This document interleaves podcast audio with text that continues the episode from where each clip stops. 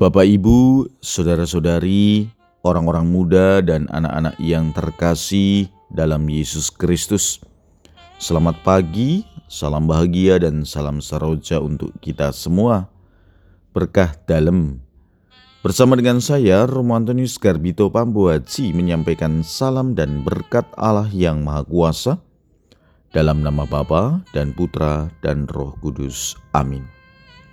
Hari ini Senin 22 Agustus dalam pekan biasa ke-21 bertepatan dengan peringatan wajib Santa Perawan Maria Ratu.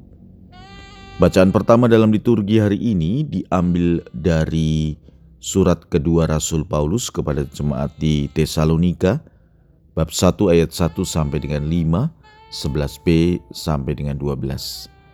Bacaan Injil diambil dari Injil Matius bab 23 ayat 13 sampai dengan 22.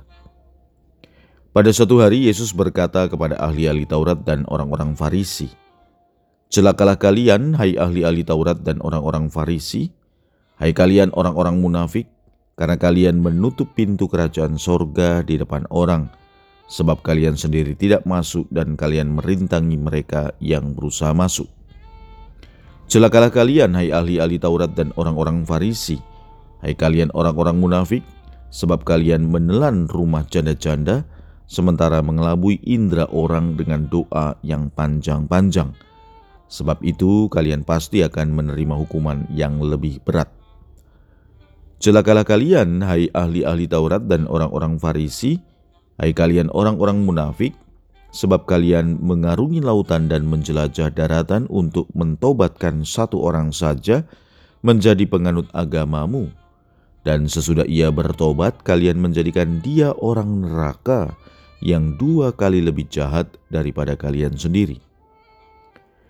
Celakalah kalian, hai pemimpin-pemimpin buta yang berkata, Bila bersumpah demi bait suci, sumpah itu tidak sah. Tetapi bersumpah demi emas bait suci, sumpah itu mengikat.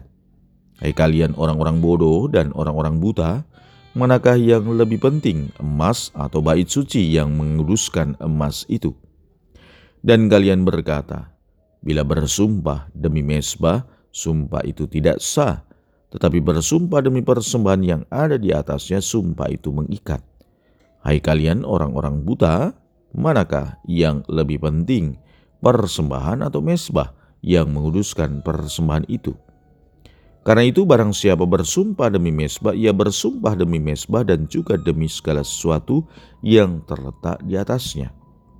Dan barang siapa bersumpah demi bait suci, ia bersumpah demi bait suci dan juga demi dia yang diam di situ dan barang siapa bersumpah demi surga, ia bersumpah demi tahta Allah dan juga demi dia yang bersemayam di atasnya.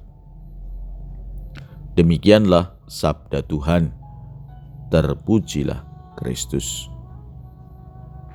Saudara-saudari yang terkasih, setelah minggu lalu kita mendengarkan dan merenungkan Injil yang isinya sekitar orang Farisi yang mengkritik perbuatan baik dan benar yang dilakukan Yesus.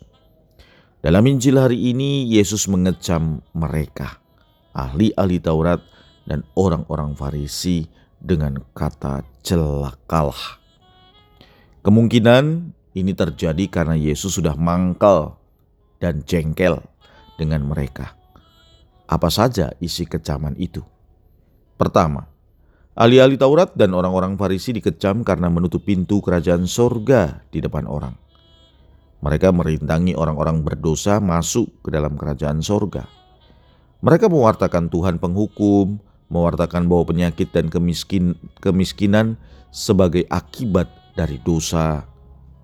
Dengan tindakannya ini, orang Farisi telah membuat orang-orang berdosa semakin terpuruk hidupnya. Saudara-saudari, dalam kehidupan kita sehari-hari pun tak jarang kita juga sering menutup pintu kerajaan sorga bagi orang lain. Dalam komunitas, keluarga, bukankah kita pun sering menghambat sesama untuk berkembang, entah lewat kata maupun perbuatan. Inilah salah satu bentuk pembunuhan karakter.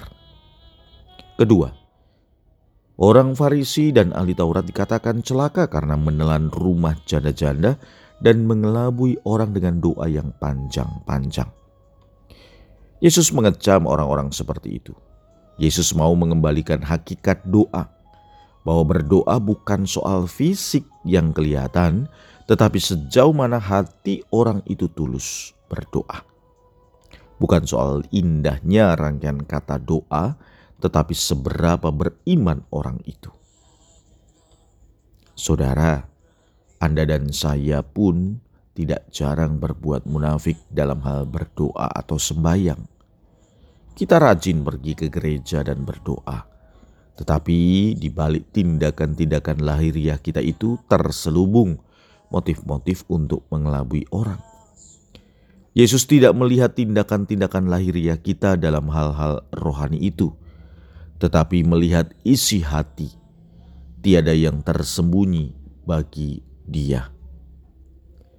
Ketiga, mereka dikecam karena menarik atau memaksa orang untuk menjadi penganut agamanya, tetapi sesudah bertobat mereka dijadikan lebih jahat. Saudara-saudari, kita senang kalau orang masuk Katolik. Bahkan sering juga kita menarik orang supaya masuk Katolik.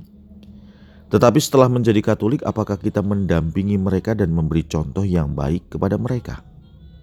Banyak contoh, misalnya pasangan yang tadinya belum Katolik, setelah menjadi Katolik, malah kita yang malas berkegiatan menggereja atau bahkan menghilang. Keempat, mereka dikecam karena membelokkan ajaran hukum Taurat soal bersumpah. Mereka menyesatkan orang-orang sederhana tentang ajaran hukum Taurat yang sebenarnya. Tak jarang kita juga menyesatkan saudara-saudari kita.